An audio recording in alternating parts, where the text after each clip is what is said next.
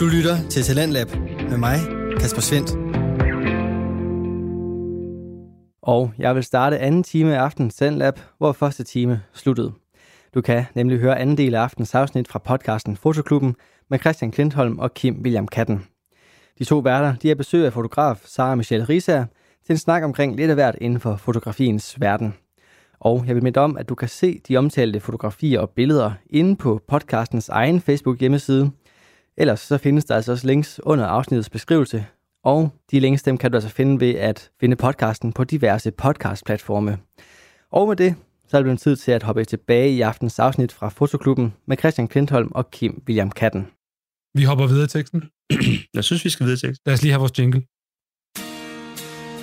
Look at this photograph.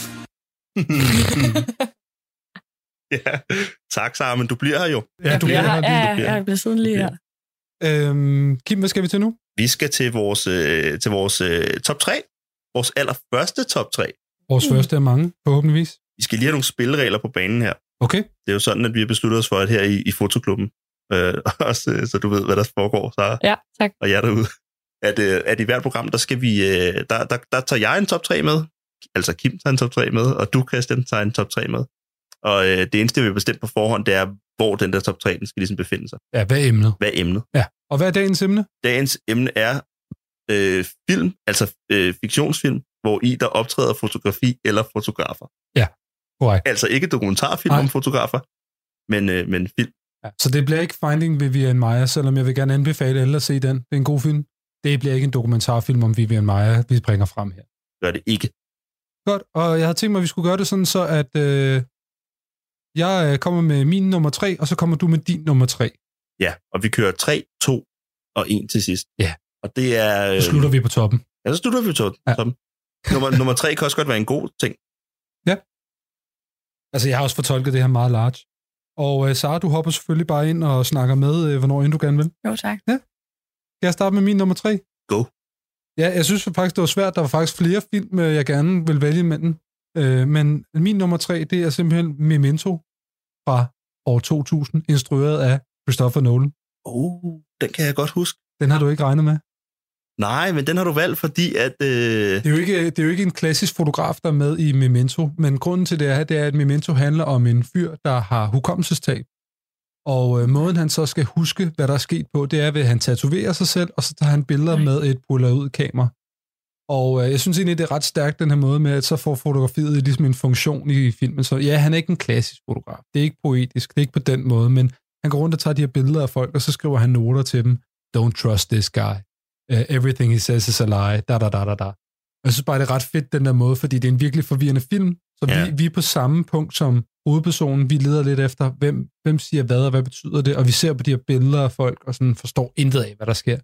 Øh, Og sådan er filmen også fortalt. Den, den Ja. hopper også rundt i tid, og det er en rigtig Christopher Nolan-film. Men det var i hvert fald min nummer tre. den var god. Tak. Skal vi videre, eller hvad? Kim, hvad er din uh, nummer tre? Jamen, jeg, på min nummer 3, der har jeg en... Øh, det, er, det er en klassiker, synes jeg. Men den, det er ikke en så gammel klassiker. Den er, den er fra... Øh, hvornår sagde du, den der den Memento var fra? Det var for 2000, var Ja, det, du sagde? 2000. Ja, vi skal lige til 2002. Og så Sådan. skal vi øh, have fat i øh, en desværre nu afdød Robin Williams Ja. i hovedrollen som øh, en mand, der arbejder på et øh, fotolaboratorium i filmen One Hour Photo. One Hour Photo, ja. Har du set den så? Jeg skal i hvert fald lige have en... Det er den, hvor øh, Robin Williams han har afbladet håret. Kan jeg lige gå ind og... Du, du skal tror gøre jeg- det. Det er en, øh, det er en thriller. Ja, nærmest en gyser faktisk. Ja, ja. Den er altså sådan fuldstændig øh, øh, klichéramt, men også god. Altså, det, det handler om, om den her mand, der arbejder på sådan et one-hour photolab, altså et sted, hvor man kan komme ind. Jeg ved ikke, hvorfor jeg forklarer. Et sted, hvor man kan gå ind, få fremkaldt sin film, og så hente den igen en time efter på print, ikke? tak for forklaringen. Jeg, jeg kan godt huske nu, når Ja, jeg lige ser yes, ham yes, yes. i øh, Og så Med kan man, uniform her, afbladet hår. Ja. Han, han ser så creepy Den er ud. god. Ja, og så Ja. handler den nemlig om, at er sådan, altså hele den der, den der tillid, vi har til, at vedkommende, der står bagved, behandler det her øh, private materiale på en måde, som er Ja. anstændig, den bliver udfordret i den her film. Ja, her. fordi han stalker folk, og han ja, samler på deres billeder. Jeg synes ikke, vi skal sige for meget, fordi jeg tror, vi er nået til et eller andet punkt, hvor den her, altså, den er så gammel, så vi nærmest kan spoile ting noget. for ah, folk, der okay. bør, der, der, Ja, jeg der bør synes- se den. Ja, der bør se den. Den er god. Har I det nogle gange sådan, når I afleverer, nu ved jeg, I begge Nu- to arbejder på film? Altså, Altså- med at, Nu bliver jeg nødt til at sige noget her. Der er noget andet. Vi arbejder ikke begge to på film. Kim, han arbejder jo med at fremkalde billeder for folk, så vi bliver nødt til at høre, hvad Kim har at take på det her. gør du det? Hvorfor Ja, vidste jeg ikke det gør, det? det gør jeg. Står du og smuk? kan ja, jeg man kan sige, man kan jo ikke, at det tænker jeg da umiddelbart. Du, altså, Du ser, hvad du, du ser. ser, hvad du ser. Du ser, hvad du ser. Der er Har du selvfølgelig... tavshedspligt? Ja, ja. Ja. Ja. Og du ser, hvad du ser. Men, Men der kan, er jo også forskel på at se, hvad man ser, end at tage det. Se, Jo, jo. hvad du ser, og tage det med videre. Ja, ikke? ja, og vi har, altså, der er store krav til, hvordan vi makulerer det, det fysiske materiale, der ikke skal bruges, og hvordan ja. at vi øh, øh, i gåsøjne makulerer det digitale materiale. Mm. så, men man ser sådan noget, når folk har en mærkelig fetish, eller hvis det er nøgenbilleder fra Italien og sådan noget der, Selvfølgelig. Det gør jeg ikke selvfølgelig, det gør man. og så prøver man at glemme det. Der er mange ting, der er mange ting man ikke ser, fordi at visse processer er fuldstændig automatiseret. Ja. Men der er også processer, hvor, hvor kunderne gerne vil have, at man, at man øh, redigerer billeder, Nå ja, det er Nå, rigtigt. ja, det, eller, eller scanner dem ind. scanner eller, dem ind, ja. eller, eller justerer i farverne. Og sådan. Der er nogle tillægskøb, man kan foretage. Men man kan sige her, der er det jo så også, der er nogen, der har været ude og tage nogle billeder, som måske vil noget med det, og så er det jo noget andet, som Ja, ja. den anden jo så ser. Ikke? Mm, altså, man kan hurtigt misforstå noget, som... Mm. Men så, altså, jeg har jo jeg har en datter på syv, som jeg fotograferer ret tit, og øh, det har også været altså, nøgenbilleder. Ikke nøgenbilleder, det er ikke fordi, det er det, der har været intentionen, men hvor hun er nøgen på. Mm. Og du tager også billeder af unge piger, og jeg har nogle Ja. gange tænkt over, når jeg sådan skulle sende dem ned til, til laboratoriet for at blive fremkaldt, så har jeg tænkt sådan, skal jeg lige disclaimer på forhånd, bare så Mm. du ved, det, det her det er faktisk min datter, Ja. øh, og det er kunst. Altså, jeg har været lidt sådan nervøs for det. Skulle jeg sige noget på forhånd, eller ej? Eller, sådan, eller ligner det børne, øh, altså, børnebilleder? Ja. Har du nogensinde haft tanker om det nu, når du fotograferer unge? Nej, men jeg nu fotograferer jeg egentlig ikke særlig meget nøgenhed, og hvis jeg fotograferer noget nøgenhed, så er det min, øh, min jæse og, øh, hvad hedder det? Ja. Nevø. Øhm, og der synes jeg jo også, at jeg hisser det med, når det er noget familie. Altså, så Sådan noget, er der ikke nogen, der skal komme og sige noget i hvert fald.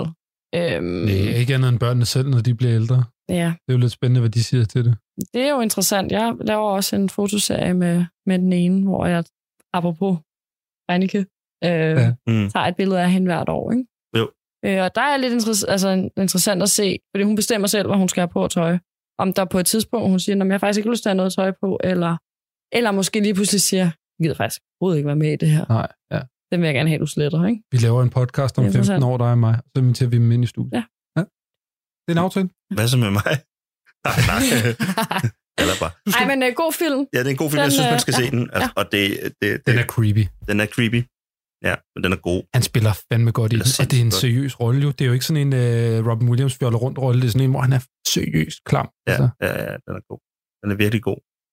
Øh, så det var jo min nummer tre. Okay. Og nu skal vi videre til nummer, Min nummer to. to.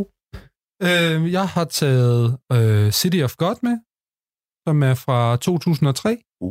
Yes. Brasil. Brasil, ja, som følger øh, en, nogle bander nede i favelaen, øh, som øh, går rundt og laver en masse dårlige ting. Det er en meget voldelig film. Det er virkelig en af de her ti- teenagefilm. Jeg så den, da jeg var min teenageår. Den gjorde et kæmpe indtryk. Den er rigtig flot. Den har en flot color grade. Sindssygt lang historie. Øh, men vi følger hovedpersonen, som hedder Rocket. Det skal jeg ikke huske, så det bliver jeg nødt til at slå op. Øh, og han kan godt lide at fotografere, så han får lov til at fotografere de her bander øh, dernede og øh, ender simpelthen med til sidst at arbejde for et øh, nyheds, øh, ja, en avis, hvor han publicerer nogle af de her bandebilleder. Men han får lov til at komme tæt på, fordi han kan fotografere hernede i de fattige favela. Øh, favela. Har I set den? Ja, ja, ja, ja, flere gange. Det er en ret hård film, er det? Ja, den er rigtig hård. Ja, men jeg det er sådan noget tror, med jeg- børn, der bliver dræbt og Jeg, sådan jeg noget. tror, jeg erindrer, at den, da den har kommet ud, der har jeg nok været sådan, den lige set nu. Den har jeg faktisk ikke set. Men det er, det er sådan en film, som er, selv på, på trods af, at den er så meget fiktionsfilm, som den er, så har den sådan et, øh, et ry for at være sådan socialrealistisk. Hmm. Er det ikke rigtigt, Christian? Jo, Eller, altså, den, den er sådan, det, det ved jeg jo ikke, for jeg har jo ikke, jeg har jo ikke boet i favelen Nej, i den men- periode, men, men ja, den viser et gritty og hårdt miljø. Ikke? ja, jo, jo, jo. jo. Og den viser, hvordan det er at være fattig i favelaen. Øhm, men den er så også, øh, så vidt jeg husker, er den fortalt øh, altså med tilbageblik fra den her fotograf, og fortalt ud fra, at den er baseret på en bog øh, fra en rigtig fotograf, så det er også det, man mener, at den er autobiografisk, ikke? Altså, så den har Mm. nogle ret interessante takes, men også det med en fotograf, der kigger tilbage. Og i forvejen som fotografer, der er vi jo allerede sådan nogen, der sådan sidder lidt fast i fortiden, ikke? Jo. Så den er ret fantastisk fortalt på den måde også. Men Fedt. det er min nummer to. Det var en god nummer to. Og hvornår var den her film fra? Øh, 2003. Jeg, jeg er kun i starten 0'erne af en eller anden grund. Det var da alle de gode fotofilm kom ud. Nå ja. Men det var jo også der, jeg lå placeret med One Hour Photo. Ja. Ja. Så vi er ikke... Var det også deres interesse for fotografiet måske Åh oh, ja. startede? For, for mig er det nok mere, det var, det var dengang, da jeg gik ned i TP Musik og købte tre DVD'er for 20 kroner. Det var måske Mm. derfor. God pris. Vi skal længere tilbage i tiden nu. Ja. Fordi Din nummer to, Kim. min nummer to, det er et Alfred Hitchcock-film. Hold da kæft. Alfred, Den er ikke fra starten af Alfred. Hitchcock. Nej. Og hvad tænker I, når I tænker Alfred Hitchcock? Øh, er det ikke noget med ravne, og så er der noget med en kniv, og så er der noget med en stol, der sidder på væggen, Ja, og Er det, ikke, er det med fugle? Er Psych, Psycho Psycho, det er den Altså- med kniven. Jamen, jeg kan jo ikke... Jeg, jeg har, Og sort, og sort Du hvid, kan lide ikke? fugle. Jamen, jeg har ikke bevæget mig så meget ud i. Jeg synes, det, det er... Og så tænker Ja. man sort-hvid og sådan noget. Så det skal vi lige væk fra. Det er en helt Mm. fantastisk film fra 1954 af, af Alfred Hitchcock, som der hedder Rear, Rear Window. Rear Window. Ja. ja den har Det- jeg ikke set. Stærkt anbefalesværdigt. Den med Grace Kelly og, øh, og, og James Stewart. Ja. Og den her film, den er genial. Øh, den her film, den, den, den foregår i øh, en baggård til et øh, etagebyggeri. Og det, for det første, så er scenografien helt sindssygt øh, flot. Øhm, på sådan en konstrueret måde. De har bygget den her øh, del, del af den her baggård, ikke? Så det giver sådan et helt specielt udtryk, som i sig selv bare er fantastisk at se på. Ja. Så Alfred Hitchcock, han er sindssygt dygtig til at lægge lys. Ja, det er rigtigt. Altså en helt vanvittigt, for, vanvittigt forud for sin tid. Ja. Så, altså lyslægningen og sådan noget i den her film er, er helt, helt vildt flot. Øhm, den her film, den handler om en mesterfotograf. En meget sådan øh, Peter Lick-agtig mesterfotograf, som er vant til action og gang i den. Han har brækket sit ben af samme grund. I'm Peter Lick, master photographer. Så øh, han er henlagt til at sidde stille i sin kørestol hjemme i sin lejlighed. Og der fordriver han tiden med at, øh, at kigge på, hvad naboerne foretager. Uh. Den, den, den. Og der ser han noget, han ikke skal se. Ah, okay, okay. Ah, det er godt. Det er altid godt uh, plot. Det er sindssygt godt.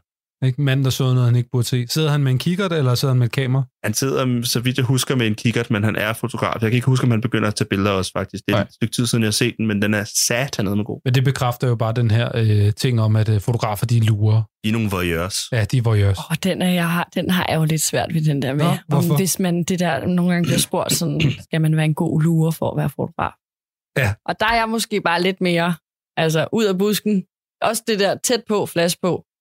Altså, det er fotografi, vi har gang i, ikke? Ja. Jeg synes, den er lidt svær. Altså, jeg er også Okay. blevet interviewet en gang, hvor jeg på On The Record har sagt, at øh, nej, det passer ikke. Den der tese om, at fotografen er en lurer og en voyeur, det passer ikke. Det er for, for passé. Ja. Det er jeg enig i. Men i den her film, der er fotografen en lurer. Nu. Og han ser noget, han ikke skal se. Okay, jamen øh, jeg ved, hvad Hvornår jeg skal ser, du lave i aften. den, Så. øh, hvornår ser du den derfra? Det er fra 1954. 1954. Og når man ser det, så er det en helt genial blanding af det her øh, 1954'er tidsbillede, og så bare Alfred Hitchcocks øh, helt vilde teknik. Men Ja. er den så i farve? Den i det det, du farven, nævnte? Ja. Technicolor. Okay. Technicolor. Uh, Helt så er der vel sikkert også et godt lydbillede til. Det Ja, ja, ja, med Hitchcock. Helt genial. Okay. Og den er kort, den er 100 minu- 110 minutter. Rear Window. Så bare hjem og se den. Ja. Det var min nummer to. Så skal vi til nummer et. Dun, dun, dun, dun, dun, dun. Og bum, bum, bum. Min, øh, min øh, nummer et, det er Reconstruction. En dansk film fra Øj. 2003. Lavet Øh. af Christoffer Bo. Er det med Nikolaj Likos? Det er med Nikolaj Likos, det er rigtigt. Det er sgu da en sci-fi film. Sci-fi film. Nej. Nej, du, tæ- du tænker på manden, der tænkte ting. Ja. Den er fra 60'erne eller sådan noget. Undskyld. Eller hvad? Men det ved jeg ikke. Reconstruction fra 2003, lavet af Herbo, som vi kender ham i dag. Øh, men det her, det er en af de her øh, hjerteprojekter, som han havde i en anden periode. Den følger nemlig Nikolaj Likos, som er en fotograf, der går rundt i København. Det er sådan et noir-portræt af København, hvor han går rundt øh, på A-bar og det der der, og Ja. man ser byen oppefra. Og så går han rundt med sådan et Leica M8 eller et eller andet, og går rundt og fotograferer hele tiden. Og det, der så sker i filmen på et tidspunkt, det er, at øh, han forelsker sig i en svensk kvinde, og så lige pludselig så forsvinder, eller hans venner kan ikke kende ham længere, og hans øh, ikke, øh, kæreste vil heller ikke kendes ved ham længere, og hans øh, tiden rundt om ham forsvinder ligesom. Så han går rundt og er lidt fortabt, og ved ikke, hvad han skal gøre, fordi alt det forsvinder under ham. Øh, og den er bare sindssygt flot fortalt, så går han rundt med det her Leica-kamera og leger Feinschmecker. Har du set den, Kim? Nej, jeg skal se den. Den er vildt god. Jeg er faktisk også i tvivl, om jeg har set den, men den, altså, den, Du den, vidste, det var kommer, Nikolaj jamen, den kommer frem i min sådan, erindring, men Jamen, han er så god i den. Og sådan, ja, korthåret Nikolaj Likos. Øh, Altså, den er god, den her film. Ja, og så er det med sådan noget svensk øh, voiceover, og den er meget sådan yberpoetisk, og de sidder på Bobi Bar, og der er sådan jazzet stemning, og det er bare, øh, det er bare Christoffer Bo, når han er allerbedst. Men det er en fotograf i hovedrollen. Et. Jeg tænker sådan, når, når der sker det her, hvor han ikke længere kan, øh, folk kan ikke huske ham, hvorfor går han ikke lige ned og får fremkaldt sine billeder?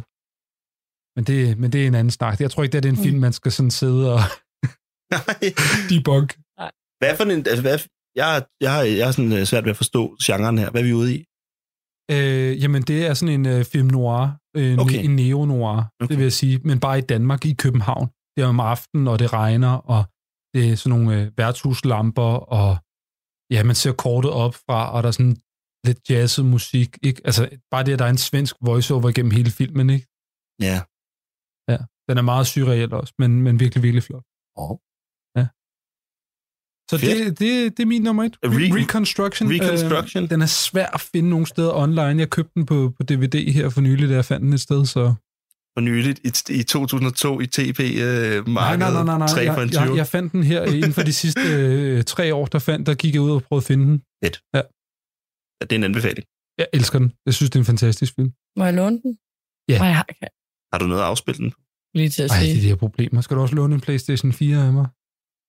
Jeg har jo ikke engang et fjernsyn. Ej, så nu bliver det virkelig svært, så. Altså. Den er helt gal. Det er jeg egentlig heller ikke.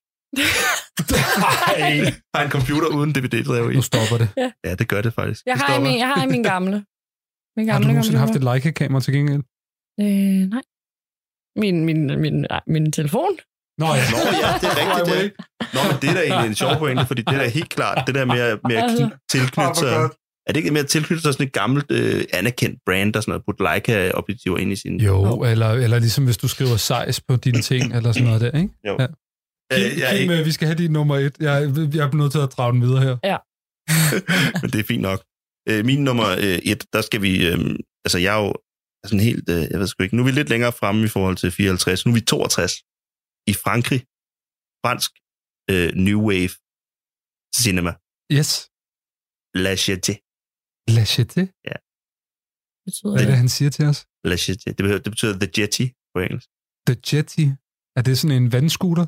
Nej, Nej det er noget, Water det er noget, ind- det er noget, ind- det er, hvad hedder det, det er en del af noget, en bygning, for eksempel i en lufthavn, hvor du kan stå og kigge ud. Anyways, øhm, eller en mole, for eksempel. Ja. L- øh, La Jetée, det er, hvad hedder det, en film, der kun består af stille billeder. What? Det er en film, der er lavet af, af, af, af stillfotografi. Og det er lidt spændende, fordi af andre film ikke det. Jo, men der er så mange stillbilleder i træk, at det ser ud som om, at det bevæger sig. Hvor mange stillbilleder er der? Altså, er det 24 billeder i sekundet, eller hvad? Ikke den her. Det er et, et af gangen. Fotomontage. Med et lydbillede ovenover og en, og en der snakker. Bliver det ikke helt sindssygt at sidde og se? Det er sindssygt fedt. 28 Nå. minutter lang. 8, 28 minutter lang er den. Og der er, Hvornår er den fra? den er fra 62. Ny, altså, ja, 62, ja. Er det en kunstfilm, det her, eller er det sådan en, der Ja, bliver det vist i er, biografen? ej, det er sådan noget, det er sådan noget fransk, øh, fra fransk New Wave Ah. øh, øh, film, ikke? Altså, Ja. og det er fra den, det, det er fra den sådan del af, af, af, New Wave, hvor de ikke øh, op, opnåede så stor øh, succes med deres ting. Det har den gjort senere hen. At det, ikke, han er ikke nogen... Øh, Ja, så fransk nybølge, det, for dem, der ikke ved det, det handler jo ligesom om at bryde reglerne for, hvad er en film, og lad os prøve at se det, lave det om igen og starte forfra, ikke? Altså, Ja, lige præcis. Så det er en, en, po, en postapokalyptisk fortælling, øh, og indebærer en masse sådan eksperimentel tidsrejsning, og sådan tidsrejse. Det er, en, det er en helt vild god film. Der er, et, der er et tidspunkt i filmen, hvor, at den, øh, hvor der sker noget vigtigt, hvor, hvor billederne begynder at komme hurtigere og hurtigere efter hinanden, og så opnår den meget kortvarigt øh, så mange billeder, at det bliver til levende billeder.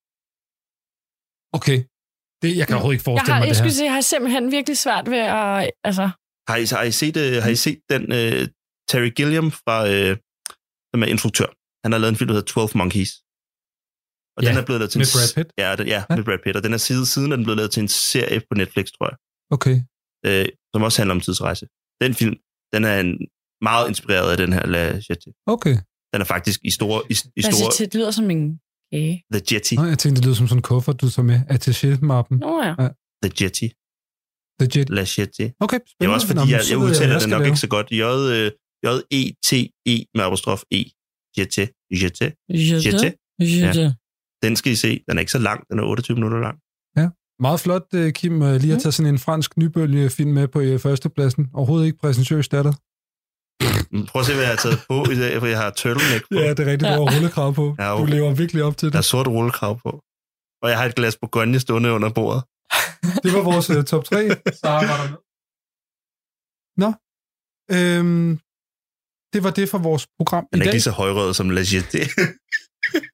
Sara, jeg vil gerne sige rigtig, rigtig mange tak, fordi du vil være med i Fotoklubben. Du Jamen. er vores første medlem. Det er spændende. Tak fordi I øh, har ladet mig komme. Hvad, hvis man gerne vil følge dig, hvor kan man så gøre det hen? Men øh, så vil jeg jo nok sige øh, Instagramming. Ja. det er... Øh, øhm, Har du nogle øh, projekter, øh, der snart skal realiseres? ja, det har jeg. Jeg har en bog, der meget gerne skulle komme ud i 2020. Ja. Ja, der øh, apropos vores snak hedder, som den i hvert fald hedder lige nu, Girl. Perfekt. Det er jo, som det skal være. Girl. Girl. Det er det, som det skal Ja. være. ja. Okay, du skal udgive en bog i 2020. der Jeg skal hedder udgive en bog i 2020, der hedder Girl. Ja. Håber jeg, at den kommer. Altså, det er den titel, jeg ligesom har arbejdet fra. Det vil jeg glæde mig rigtig meget til. Det vil jeg også glæde mig til. Ja. Kan Og du, ellers så kan man vel gå ind på din hjemmeside. Sarah Jeg har Michelle hjemmeside. Risager.com. Sara Risager. Sariser.com. Ja.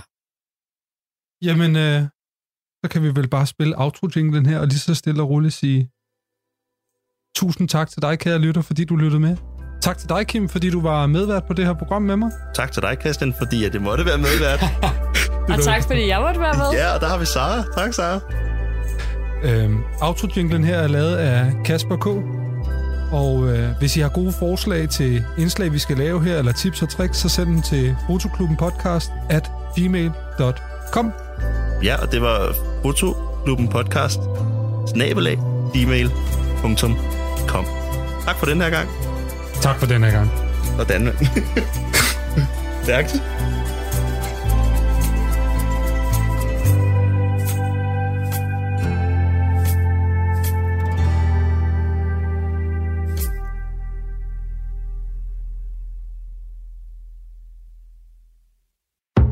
Radio 4 taler med Danmark. Og det var det sidste for denne omgang af Fotoklubben. Her med et afsnit, hvor de to værter, Christian Klintholm og Kim William Katten, havde besøg af fotograf Sara Michelle Risager. Og hvis du vil høre flere afsnit fra Fotoklubben, så kan du enten finde dem på diverse podcastplatforme, men du kan selvfølgelig også finde tidligere Talentlab-afsnit, både med og uden Fotoklubben, inde på radio4.dk. Og det er også inde på den hjemmeside, at du selv kan sende din fritidspodcast ind til programmet her, hvis du ønsker at dele den med endnu flere, samt at få hjælp til at skubbe din podcast i den retning, som du ønsker, den skal i. Det kan du alt sammen gøre ved at gå ind på radio4.dk og finde vores Talentlab-formular, hvor du altså kan sende et afsnit eller en smagsprøve på din podcast ind til Talentlab. Der er ingen begrænsninger for, hvad din podcast den kan handle om, for her i Talentlab, der tror vi på, at de historier, du har lyst til at dele, dem har vi lyst til at høre og sende. Og der er heller ingen krav til længden på din podcast-afsnit, eller hvor tit du sender sådan et. Nu der er det blevet tid til at præsentere aftens anden podcast, og den har navnet Ravnens Fortællinger. Det er en podcast, som er lavet af Alexander Ravndal Højsting, der bruger podcasten til at dele ud af sine fortællinger og historier. Nogle gange der er historien skrevet ned på forhånd, andre gange der er den improviseret, og der skiftes også mellem historier fortalt af Alexander alene eller i samarbejde med andre. Og i aften, der kan jeg præsentere en fortælling, som både er fundet på på stedet, altså improviseret frem, og det sker i samarbejde med Alexander Ravndals veninde, Liv. Her der får du aftens fortælling, som byder på nødjagt, forgudelse og måske endda en morale. God fornøjelse.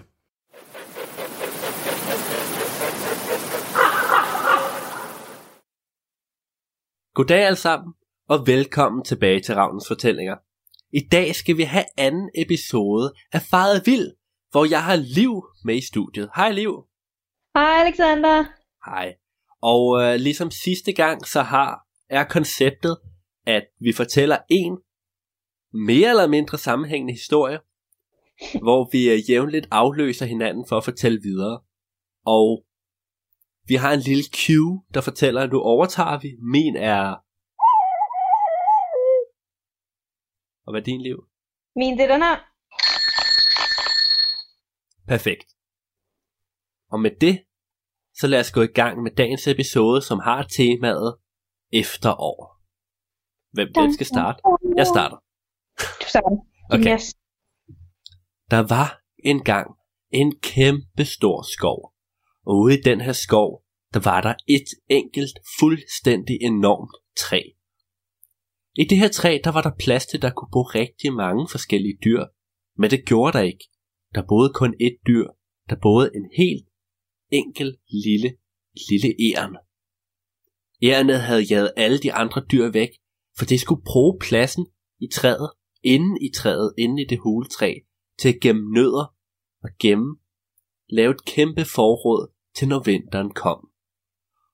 Og dag ud af dag ind, så gik de ud og ledte efter nødder, æren, alt hvad den kunne finde spiseligt, løb tilbage til træet og gemte det inde i.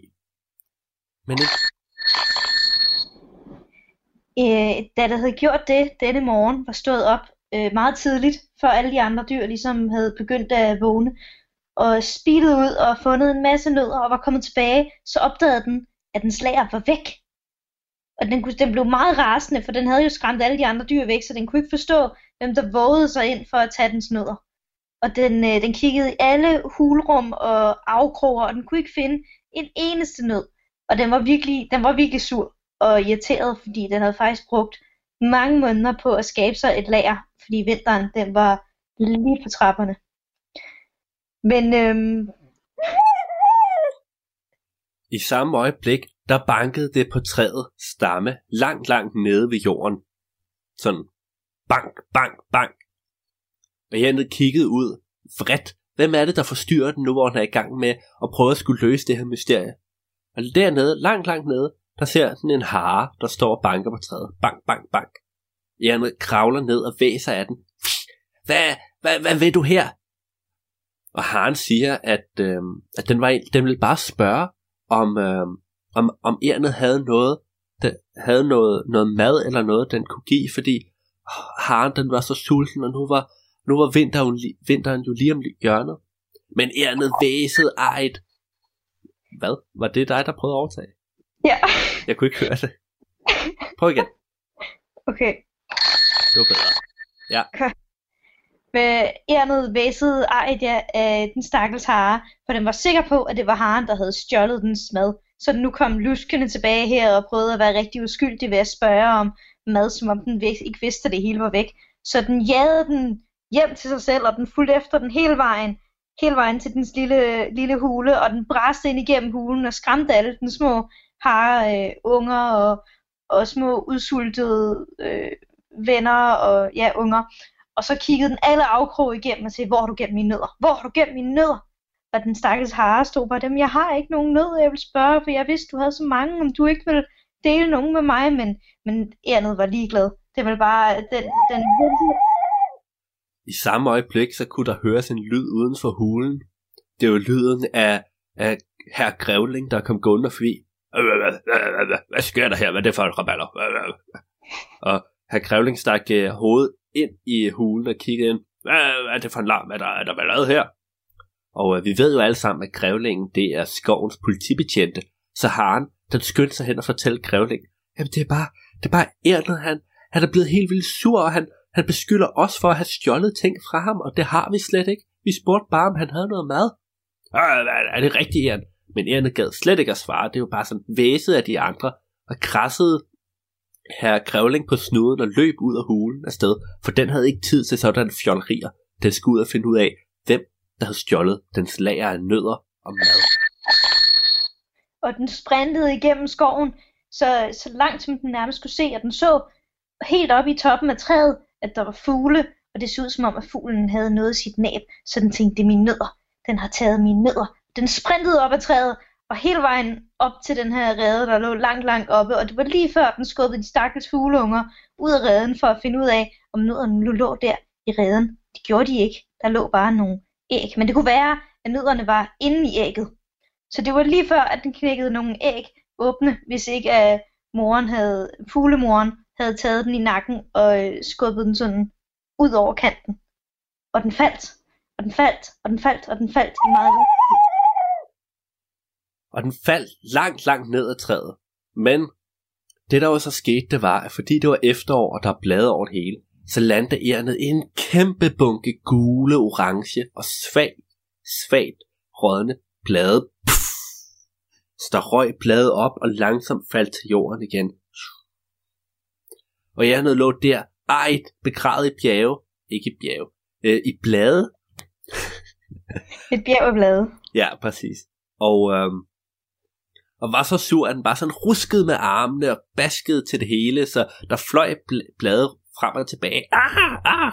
Det så så voldsomt ud, så en person, der var ude at jogge i skoven, blev helt overvældet og sk- løb sin vej af skræk, fordi han troede, der simpelthen var et monster der. Og så var det jo, så blev ærnet nødt til at beslutte sig, hvor så skulle gå hen. Fordi det var ikke kaninerne, der havde stjålet det, og han vidste, at herr Krævling ikke var til nogen hjælp, og åbenbart havde fuglene heller ikke, selvom det så ud, som om de havde det. Ah, hvor kunne det være? Hvor kunne det være? Og så så den, ude ved søen, så den en frø, der svømmede i vandet. Hmm. Frøerne havde altid været lidt luskede, så ærnet gik ej der sted trampede hen ad skovbunden, ned mod søen, ned for at ville... Undskyld. Ned for at ville afhøre frøen.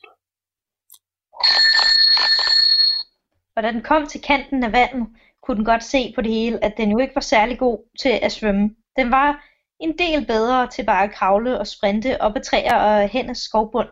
Men den var så sur, at den nærmest sprintede hen over vandet. Altså, den, øh, den svømmede selvfølgelig lidt, men den løb faktisk næsten oven på vandet, så meget fart havde den på, og den overfaldt frøen, og de tumlede rundt ned i vandet og ned i dybet, og den stakkels, det stakkels ja, den kunne næsten ikke få vejret, fordi uh, det bare var så ej, og bare prøvede at uh, ruske ud af den her frø, hvor Så det, den... var ikke, det var ikke fordi den var under vandet, den ikke kunne få vejret. Det var fordi den var sur. Ja, det var begge dele, men primært fordi den var sur. Nå, Det var okay. lige så overvældende sur den var, at det, det betød ikke så meget, at den ikke kunne trække vejret for den. Øh, og den her frø, den kunne simpelthen ikke, den kunne ikke forstå, hvad der skete. Den synes da, altså, at den og, og Ernet havde været venner i, i mange år, eller i hvert fald naboer i hvert fald, om ikke andet. I hvert fald havde- bekendte. Ja, i hvert fald bekendte. Så den trak Ernet med op på bredden og sagde, hvad, hvad er meningen, Ern? Hvad, hvad har du gang i? Du har stjålet mine nødder. Hvor mine nødder? Og andet, det var, det var helt fortumlet og spyttede vand ud sådan på jorden. Og frøen, den, øh, den, den kiggede bare på Ernet som jeg, jeg, hvad skulle jeg bruge dine nødder til? Jeg spiser ikke nødder. Jeg har ikke dine nødder. Du har mine nødder. Hvor er mine nødder? Hvem har taget mine nødder? Og det her æren, det var Og mens Ernet stod og diskuterede med frøen om, hvorvidt frøer spiser nødder, så kom der noget nærmere. Det var noget lidt større end både Ernet og frøen. Det var en stor og grim tusse. Og tussen kiggede på det her, ventede lidt, inden den så sagde, Herre Eon, Quick, jeg tror godt, jeg ved, hvem der har taget dine nødder. Quick, quick. Så spiste den lige en flue, der fløj forbi. Jeg så nogle luske rundt i skovbunden her tidligere i dag. Ja, de havde en kæmpe sæk. Det lignede nogen, der godt kunne have taget dine nødder. Og Janne, og Janne kiggede bare på den her tusse med store øjne, helt udspillet. Jamen, så sig dog, hvem det er, for helvede. Og tusen, den kiggede, ro på her, Jan, jeg kommer til det. Quick, quick, quick. Den slog sig på maven, godt tilfreds over, at han fluen havde spist, slikkede sig om munden. Ærnet gik, løb hen og ruskede den i armen. Fortæl mig, hvem der har taget mine ærer. Okay, okay, okay. Nu skal du høre. Jeg så et menneske klædt ud som en nisse kom gående med en stor sæk tidligere i dag. Og de gik den vej. Og så pegede tusen med sin slibede og klistrede fod i en bestemt retning igennem skoven. Og han havde, tusind havde ikke mere end løftet armen, før ærnet det var ude af syn. Det havde sprintet i den retning. Det måtte, behøvede ikke engang at høre, hvor langt den skulle sprinte, eller øh, hvordan den her nisse-person så ud. Det løb bare. Og det løb, og den løb, og den løb, indtil at den, den kunne godt se nogle, nogle fodspor og nogle knækkede grene. Og den var ret god til sådan at orientere sig i skoven, sådan en, øh, sådan æren der. Så den kunne godt se, at der var noget, der ikke var, som det plejede at være. Og den kunne se nogle tunge fodspor for et meget stort, øh, tungt dyr eller menneske. Og den fulgte de her fodspor hele vejen hen til noget, der lignede et udhulet træ. og den, øh, den gik lidt rundt om det her træ. Den synes, det var lidt mærkeligt. Den havde egentlig ikke... Det lignede meget dens hjem, men det var ikke det samme træ. Og, øh, og det lugtede også en lille smule anderledes. Så den kravlede helt højt op ad træet og ind i sådan en hulrum, og der lå alle dens nødder. Den var sikker på, at det var dens nødder. Og der var mange flere, end den selv havde samlet. Der var minimum dobbelt så mange. Og som alle gode æren gør, så det øjeblik, den så nødderne, så begyndte den bare at proppe munden fuld af nødder. Den var så sulten. Om, nom, nom, nom, nom, nom. Spise, spise, spise. Lige indtil den ikke kunne spise mere.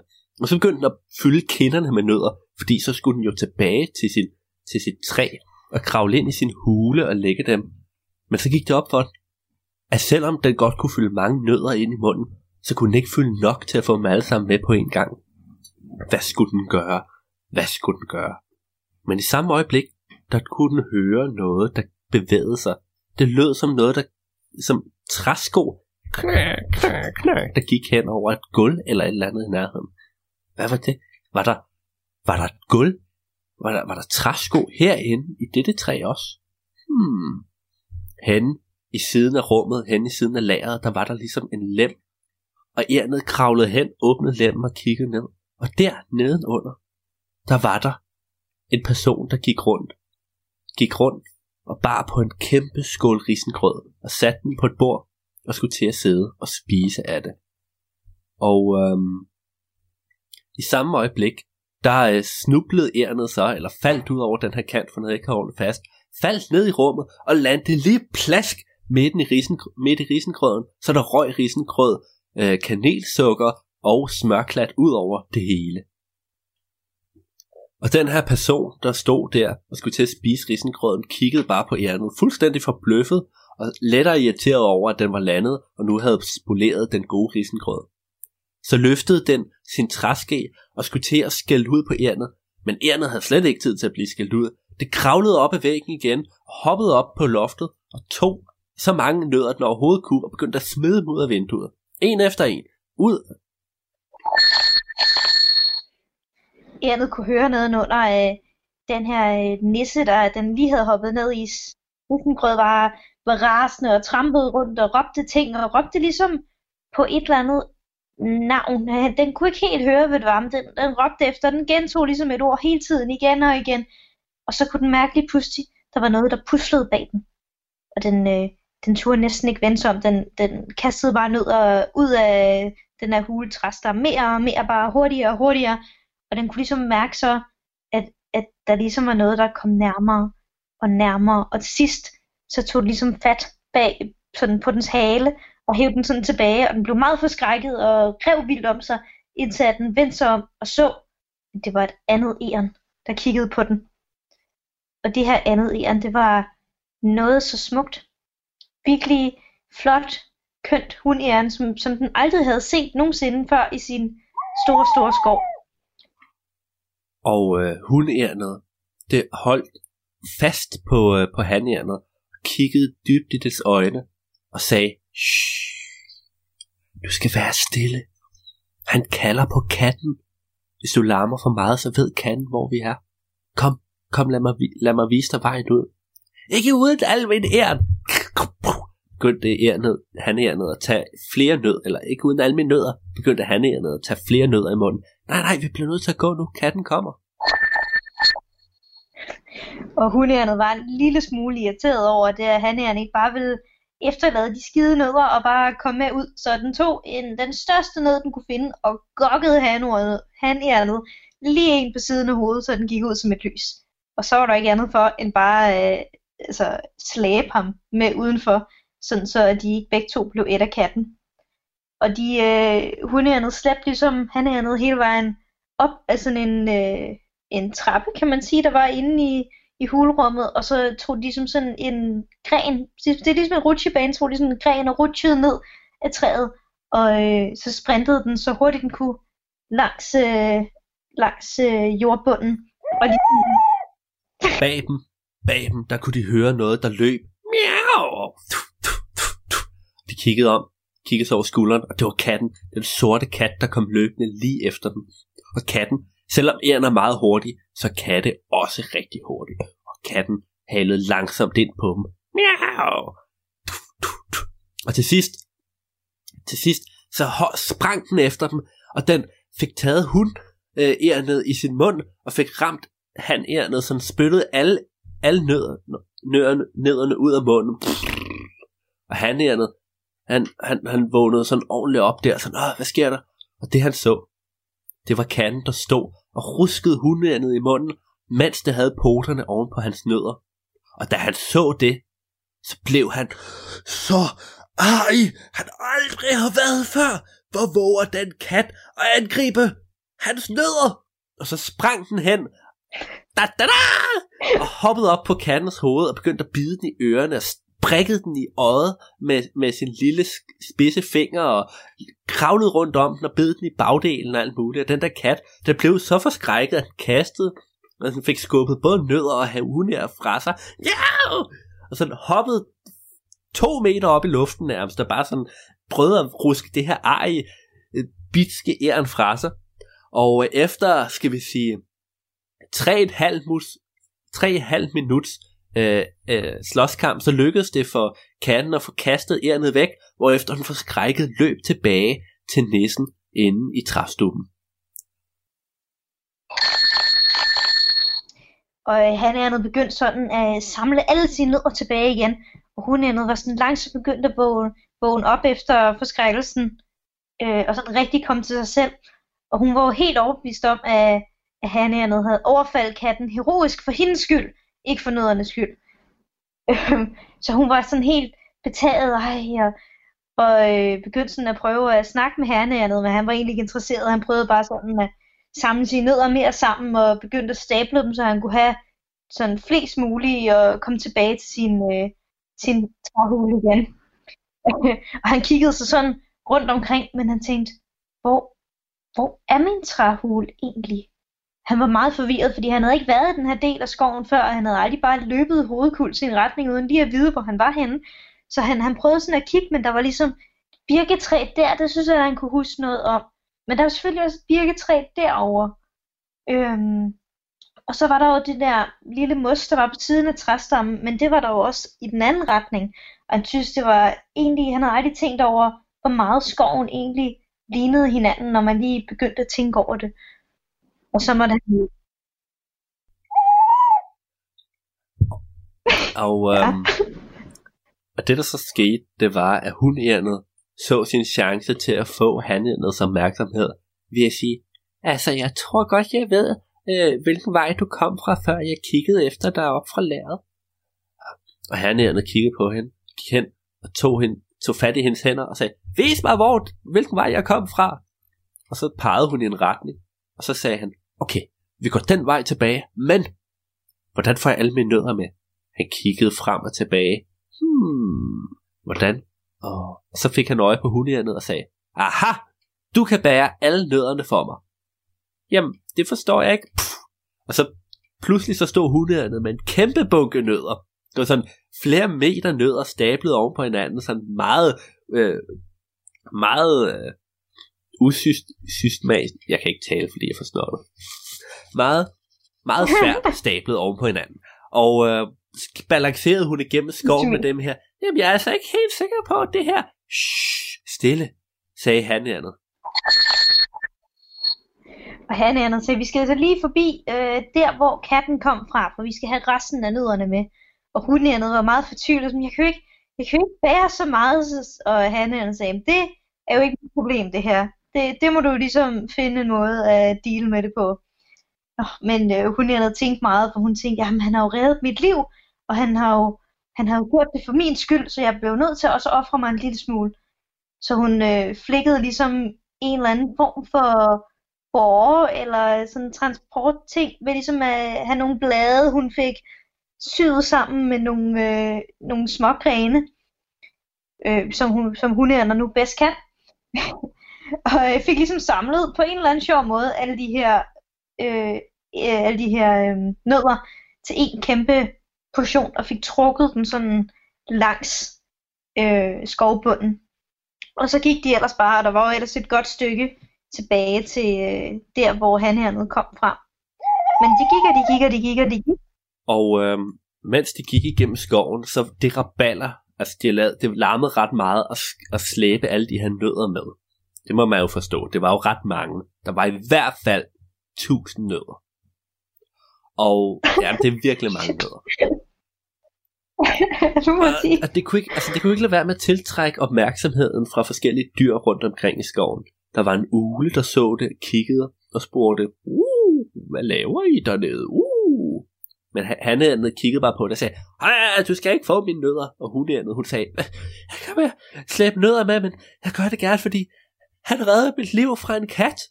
Uh, fra en kat? Det er en modig lille æren. Uh. Og de to æren gik videre, men mens de gik videre, så vidste de slet ikke, at, uren, at ugen fortalte historien videre. Fortalte historien videre til, til, til en måge, der var forvildet sig ind i skoven. Ja, skvak, jeg kan ikke finde ud, skvak. Det kan godt være, men prøv lige at høre her, min ven. Uh. Åh, skvak, så må heldig mod det. Og sådan skete det, startede det, og langsomt så spredte historien sig fra ule til måge til dårdyr. Og efterhånden så var der en hel masse dyr, der begyndte at følge sporet, træksporet der, hvor ærnene havde trukket de her nødder. Og det startede med en historie om, øh, altså, at, at øh, ærnet havde kæmpet mod katten for at redde hundærnet. Og efterhånden så var der to katte, så var der to katte og en rottweiler, og altså det blev bare vildere og vildere, og til sidst så havde de på en eller anden måde kæmpet mod en landlevende haj.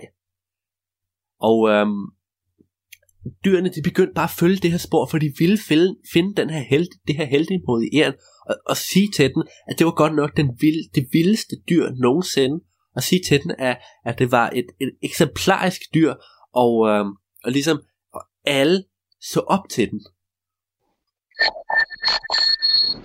Og de er fuldsporet, men de kom til at gå i meget lang tid, fordi øh, Hannianet var faktisk ikke helt sikker på, hvor den nu lige var, den boede henne. Den var lidt rundt forvirret efter det her adrenalinkick med katten, og have mistet alle sine nødder. Øh, og den kunne ikke rigtig spørge nogen til råds, det var den simpelthen for stolt til. Så den gik lidt rundt i cirkler, øh, og efter en 7-8 timer, så øh, endte de med at komme frem til det, den mente for dens hus. Og den kom op, og alle dens nødder var der jo ikke, for den havde den jo her i, eller hundærnet havde jo slæbt det med, og alle andre dyr begyndte sådan at stemle sammen, og, og dårdyret begyndte at hjælpe med ligesom at løfte hundærnet op, så hun kunne slæbe nødderne ned i hullet igen. Og øh, så, så var det, at hvad hedder det, en lille markmus kom sådan, sådan løbende ind, og den kendte noget rigtig, rigtig godt, det er Hannian. Og den sagde, jamen, Hannian dog, hvor, hvor, får du, hvor har du fået alle de nødder fra? Og han havde fortalt den her vilde historie med, at alle dens nødder var væk, og den var taget på en mission for at finde den. Og der var den her kat, der havde stjålet dens nødder, men den havde besejret den, og de andre dyr rundt om øh, udbredelsen. Der var to katte, der var en rottweiler, der var en hej, og en Og, øhm, og det der jo så skete, det var, at hernærende var jo er, havde et ret dårligt temperament, ret sur. Så da de andre afprøvede den, så tog den simpelthen et nød og kastede efter den. Ti stille! Den var ikke særlig god til at kaste til gengæld, så den ramte ved siden af. Og alle dyrene, de udbrød. Han giver os mad! Så løb der en af dem hen og spiste, spiste nøden. Og en var bare sådan, nej, nej! Og så kastede den flere nødder efter dem for at prøve at ramme den i hovedet. Men den missede hver eneste gang.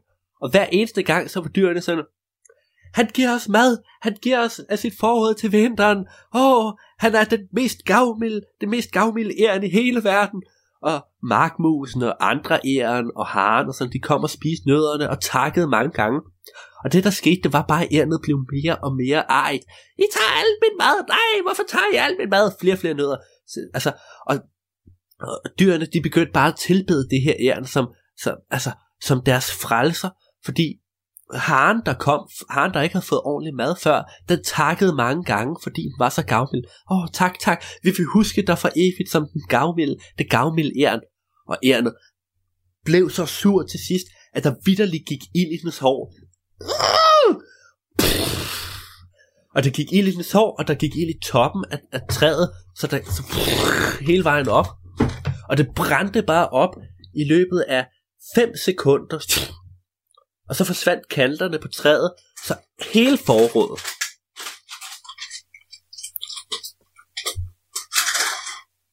Så hele forrådet, alle nødderne, de bare røg ud af, væltede som en syndflod ud til alle dyrene, der var rundt om. Så de begyndte at, at spise af dem, og de kunne få en del af det. Og alle folk takkede og bad mange gange til det her gavmilde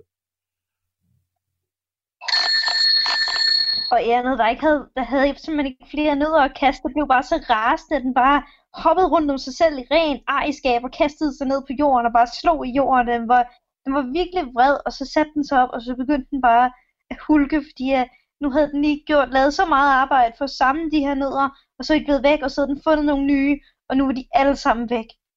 Og hunærnet stod sådan og klappede på siden af, af hanærnets øh, skuldre, så det skal nok gå alt sammen. Og Markus kom ind til ham, Eren, hvad der gav, det er, jo, det er jo slet ikke dine nødder. Og han havde kigget op, hvad mener du? Jeg har, da, jeg har jo selv, de var væk, og så fandt jeg dem, og, og Markusen sagde, nej, du var jo bange for, at folk ville tage dine nødder, så du har gemt dem hjemme hos mig. Og han hanærnet var meget forvirret og sagde, jamen, hvis nødder var det her så?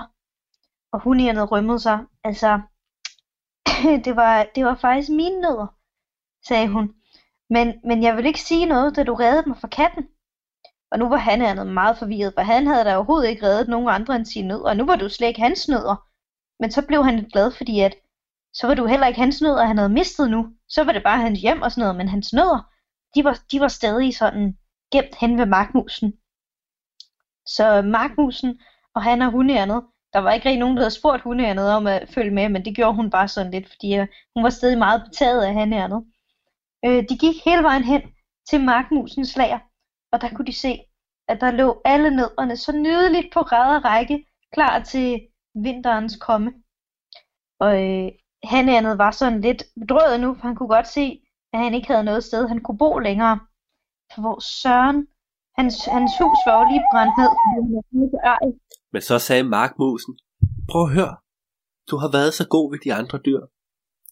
Og øh, du har været så god ved de andre dyr, og du hunjern, du har mistet alle dine nødder. Så hvad hvis nu I begge to overvintrer her hos mig, og så næste år, næste år om til foråret, så kan I gå ud og finde jeres eget sted at bo igen. Hvad ved I ikke det? Han andet var sådan lidt, uh, skulle han nu til at dele sine nødder med de andre? Men så tog hun fat i hans skulder og sagde, det synes jeg, det synes jeg vi skal, nu har du givet mine nødder væk. Prøv at tænk, hvis det var mig, der havde givet, givet dine nødder væk, hvordan ville du så have det? Åh, oh, jo, jo, det kunne han jo godt se. Så selvom han var meget imod det, så endte det med, at hanærnet og hunærnet overvintrede hos markmusen, og de spiste sig mæt hver eneste dag i nødder i æren, i alt godt fra ærnets lager. Slut. Og så bliver vi jo lige nødt til at have det obligatoriske filosofi til sidst. Hvad var øh, moralen bag med denne historie? Okay. Moralen er, hvis øh, inden du bliver vred over noget, skal du være helt sikker på, at du har faxene på din side. Okay, Det er det kan også være, øh, en, en nød kommer sjældent alene. Nej. en nød bliver til fem høns. En nød bliver til en landlevende haj. Ja. det synes jeg er godt. Okay. Jamen ved du hvad? Fedt. Så, øh, så med det, så vil jeg sige rigtig mange tak, fordi du, øh, du var med igen, Liv. Det var super hyggeligt.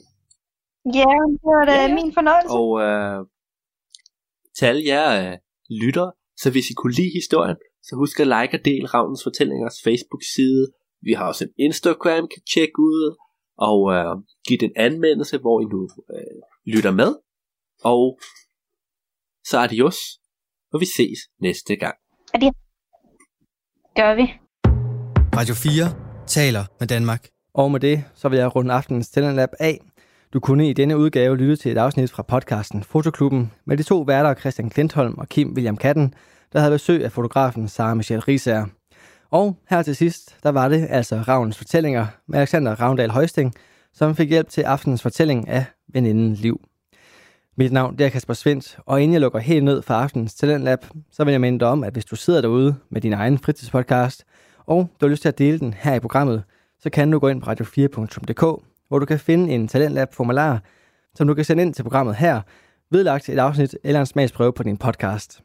Der er ingen begrænsninger for, hvad din podcast den kan eller skal handle om. For her i Talentlab, der vil vi gerne dele det, du har at fortælle, eller som du måske endda opsøger andre for at fortælle. Der er heller ingen krav til længden på din podcast-afsnit, eller hvor tit du sender sådan et. Det var det for denne omgang Talentlab. Tak fordi du lyttede med, og på genlyt.